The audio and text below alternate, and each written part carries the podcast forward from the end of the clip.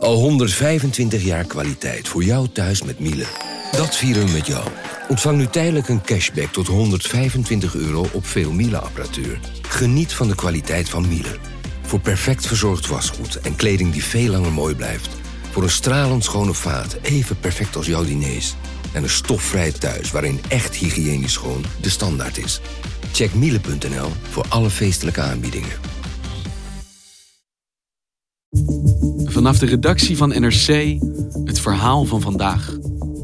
Mijn naam is Thomas Ruip.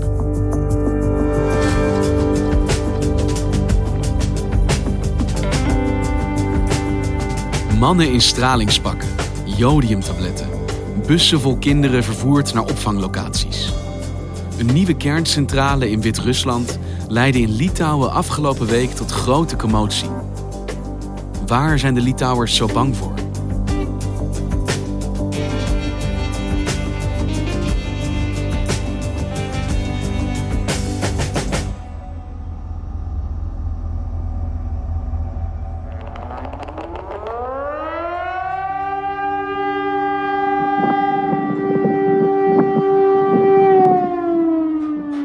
Als je dinsdag in Vilnius op straat liep, dan hoorde je de sirenes afgaan.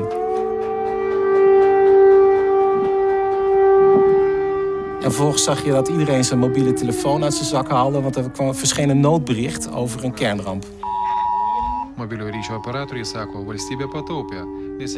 Er waren speciale uitzendingen op de televisie.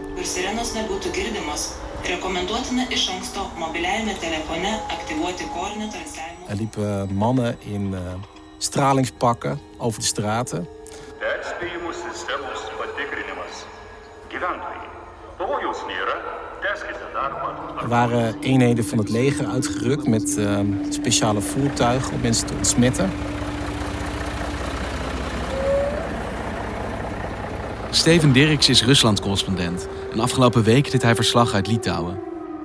Want uh, de afgelopen week is er in Litouwen geoefend op nationaal niveau wat de autoriteiten moeten doen als er een kernramp gebeurt. En waar was jij? Waar stond jij toen je dit allemaal om je heen zag gebeuren? Ik was in een, uh, in een dorpje aan de grens met Wit-Rusland. Stel je voor uh, houten huizen in vrolijke kleuren, appelboomgaarden, velden. En dan zie je dat er allemaal uh, schoolkinderen uit de bus stappen. Uh, naar een houten gebouwtje worden geleid. Ja, precies.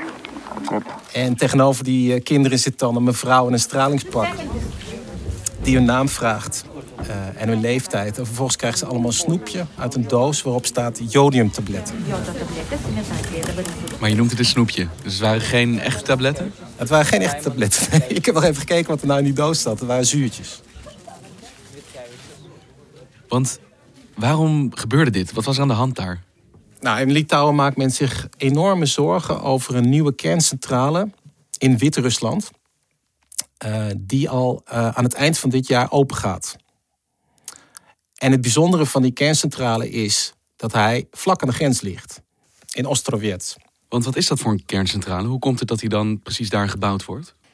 Nou, er waren in de jaren tachtig, toen de Sovjet-Unie nog bestond, waren er al plannen voor de bouw van een kerncentrale in wat toen nog de Wit-Russische Sovjetrepubliek was. Dus onderdeel van, de, van het grotere geheel, de Sovjet-Unie. En die plannen waren al in een vergevorderd stadium, maar men was nog niet begonnen. En toen gebeurde in 1986 de verschrikkelijke kernramp in Tsjernobyl, in wat tegenwoordig Oekraïne is. Maar het was natuurlijk Wit-Rusland en Litouwen die daar de meeste last van hebben. Want de radioactieve fallout, die omhoog werd geblazen door de explosie en de brand die daarop volgde, die dreef in noordelijke richting. Dus eigenlijk heeft Wit-Rusland en, en, Litouwen hebben veel meer last gehad van de kernramp dan Oekraïne zelf. Ja, dus, dus het is niet zo moeilijk voorstelbaar dat ze daar zoiets hadden van misschien is kernenergie niet voor ons de beste keuze. Ja, kernenergie ligt heel gevoelig. En uh, in Litouwen stond ook een kerncentrale en die is uh, uh, een aantal jaar geleden gesloten. Maar toch komt er dus nu weer een kerncentrale. Ja, precies. Hoe is dat dan gekomen? Ja, dat heeft te maken met uh, ruzie tussen Wit-Rusland en Rusland over gasleveranties. Rusland heeft weer ruzie met een van zijn voormalige Sovjet-republieken over de gasprijs. Je moet weten dat Wit-Rusland uh, gas en olie geleverd krijgt van Rusland tegen grote kortingen. Maar in de afgelopen jaren zijn er steeds meer problemen ontstaan rond de prijs. In goed Nederlands, we zijn toch zeker Sinterklaas niet. Het moet dus maar afgelopen zijn met de in Gazproms ogen veel te goedkope levering van Russisch aardgas aan voormalige Sovjet-republieken. Rusland wil steeds meer geld voor het gas en Rusland eist bovendien steeds meer politieke concessies van Wit-Rusland. Dus Rusland kan via de gasprijs druk uitoefenen op het bewind van president Lukashenko. Dus in 2007 heeft Lukashenko gezegd: uh, voor de energieonafhankelijkheid en de energieveiligheid van ons land is het toch belangrijk dat we een kerncentrale gaan bouwen. Везде следом за русским человеком должен идти Беларусь. wanneer moet deze centrale in gebruik genomen worden? Nou, als alles volgens plan gaat, dan uh, uh, gaat volgende maand de eerste reactor, Wit-Rusland 1, die uh, wordt, wordt dan al in gebruik genomen. En volgend jaar de tweede reactor. Dus vanaf volgend jaar is de, is de centrale ehm, vol in bedrijf. En Litouwen is daar dus helemaal niet blij mee, zacht gezegd, als ik jou begrijp. En waar zijn ze nou precies zo opgewonden over? Nou, er zijn eigenlijk twee redenen. De eerste reden is dat ze ontzettend boos zijn over het feit dat Wit-Rusland die kerncentrale heeft neergezet op hun grens. Dus als er een ongeluk gebeurt met deze centrale, dan is het vooral Litouwen die er last van heeft en niet Wit-Rusland zelf. Tijdens de oefening sprak ik met um, een uh, Litouwse parlementariër, Danis Kaizauskas, die voorzitter is voor de commissie voor uh, nationale veiligheid en defensie. En die zei uh, onomwonden dat het risico enorm is. Without a doubt the risk is tremendous because this nuclear plant is located very close to the Lithuanian border and of course it is not safe nuclear plant. Dat dit geen veilige centrale is en dat het een schandaal is dat uh, Wit-Rusland die centrale precies op de grens van Litouwen gebouwd heeft. That the location selected for the nuclear plant, this choice itself violates all conventions of United Nations. Uh, om je een voorstelling te maken, die, die kerncentrale ligt op 50 kilometer afstand van uh, de Litouwse hoofdstad Vilnius. Dus het is echt, als er iets, zeg maar een ongeluk zou gebeuren van de schaal van Tsjernobyl, dan moet de hele hoofdstad worden geëvacueerd. En dan, ja, dat is maar de vraag uh, wat er overblijft van Litouwen. En die kerncentrale heeft water nodig voor de koeling. En die rivier stroomt door Vilnius. Dus zelfs als er een kleiner ongeluk zou gebeuren en er komt radioactiviteit vrij en dat stroomt in de rivier, dan kan 90% van de drinkwatervoorziening van Litouwen in gevaar komen. Tweede reden is dat uh, uh, volgens de Litouwse regering die kerncentrale hartstikke onveilig is. In the media it was described numerous incidents uh, in, during construction processes as well as during transportation of the nuclear reactor itself. Volgens de Litouwse regering is een van de reactorvaten tijdens het transport beschadigd geraakt. En wilde de Wit-Russische regering dat vat eigenlijk oorspronkelijk helemaal niet vervangen. En alleen nadat de grote internationale druk werd uitgeoefend op, uh, op Minsk, uh, werd besloten om toch een nieuw reactorvat aan te schaffen.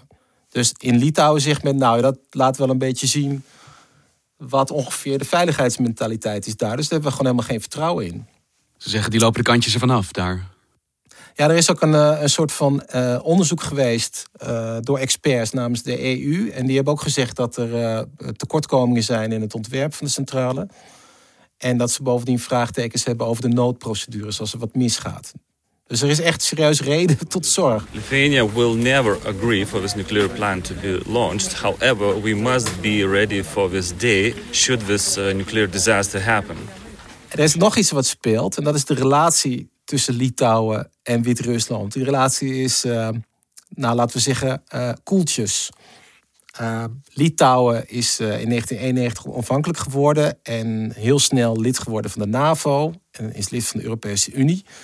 Wit-Rusland bevindt zich in de Russische invloedssfeer.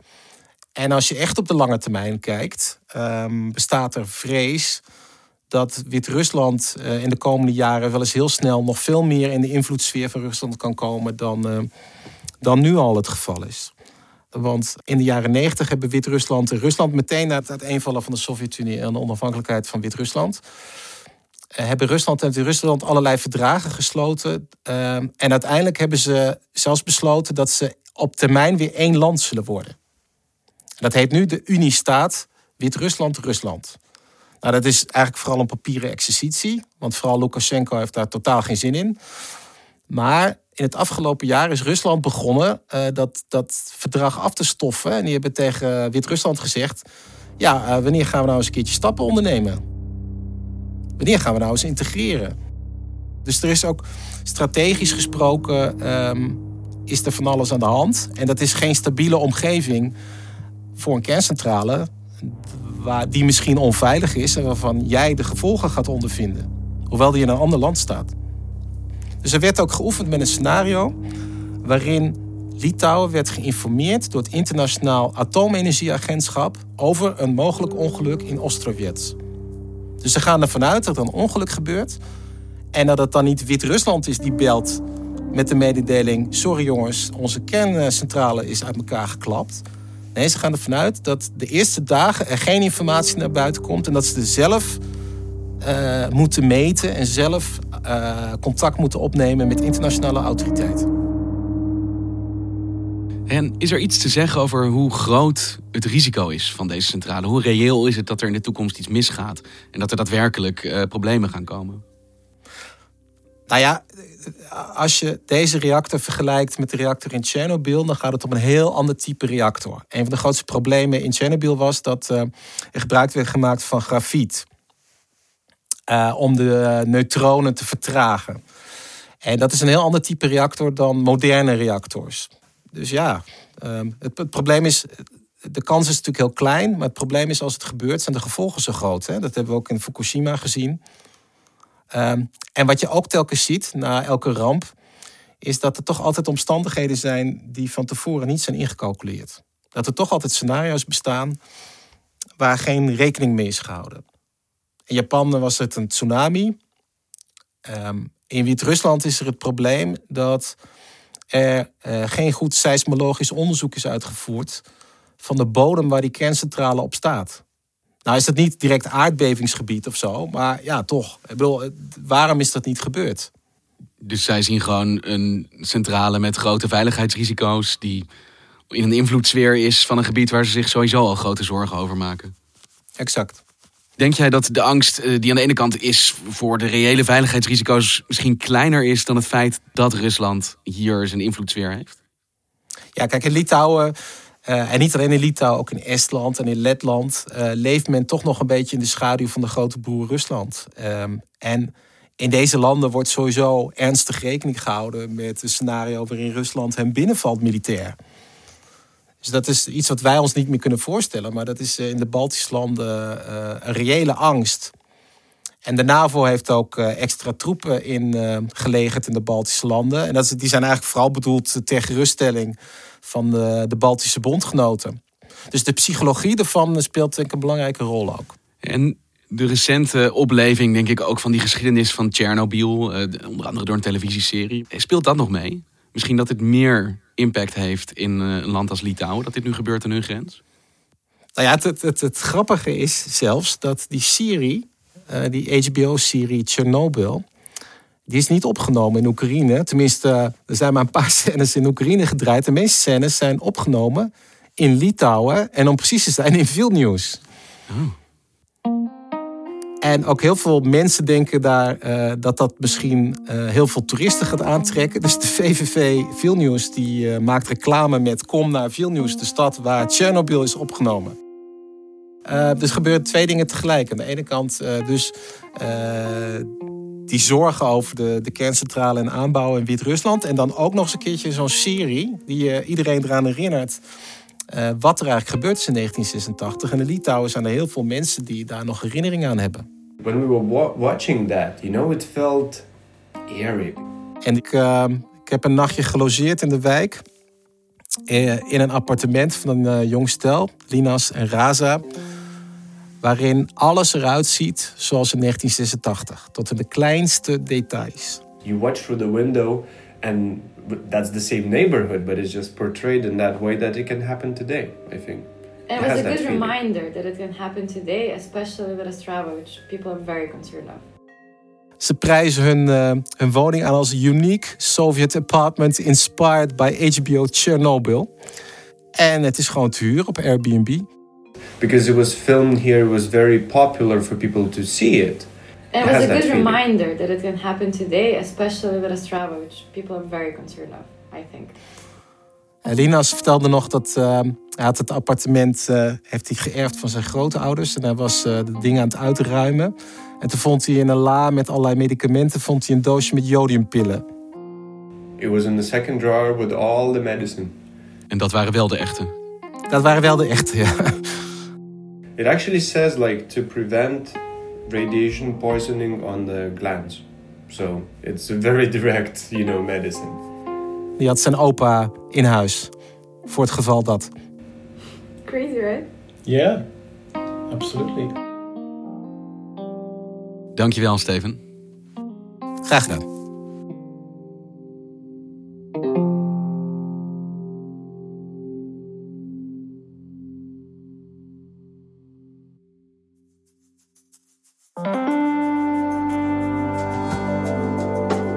Je luisterde naar vandaag, een podcast van NRC.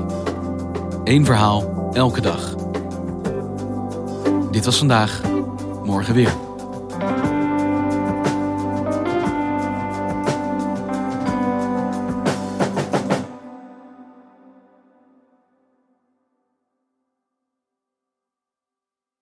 Technologie lijkt tegenwoordig het antwoord op iedere uitdaging. Bij PwC zien we dit anders. Als we de potentie van technologie willen benutten, kunnen we niet zonder een menselijk perspectief. Human-led, tech-powered noemen we dat. Ga naar pwc.nl.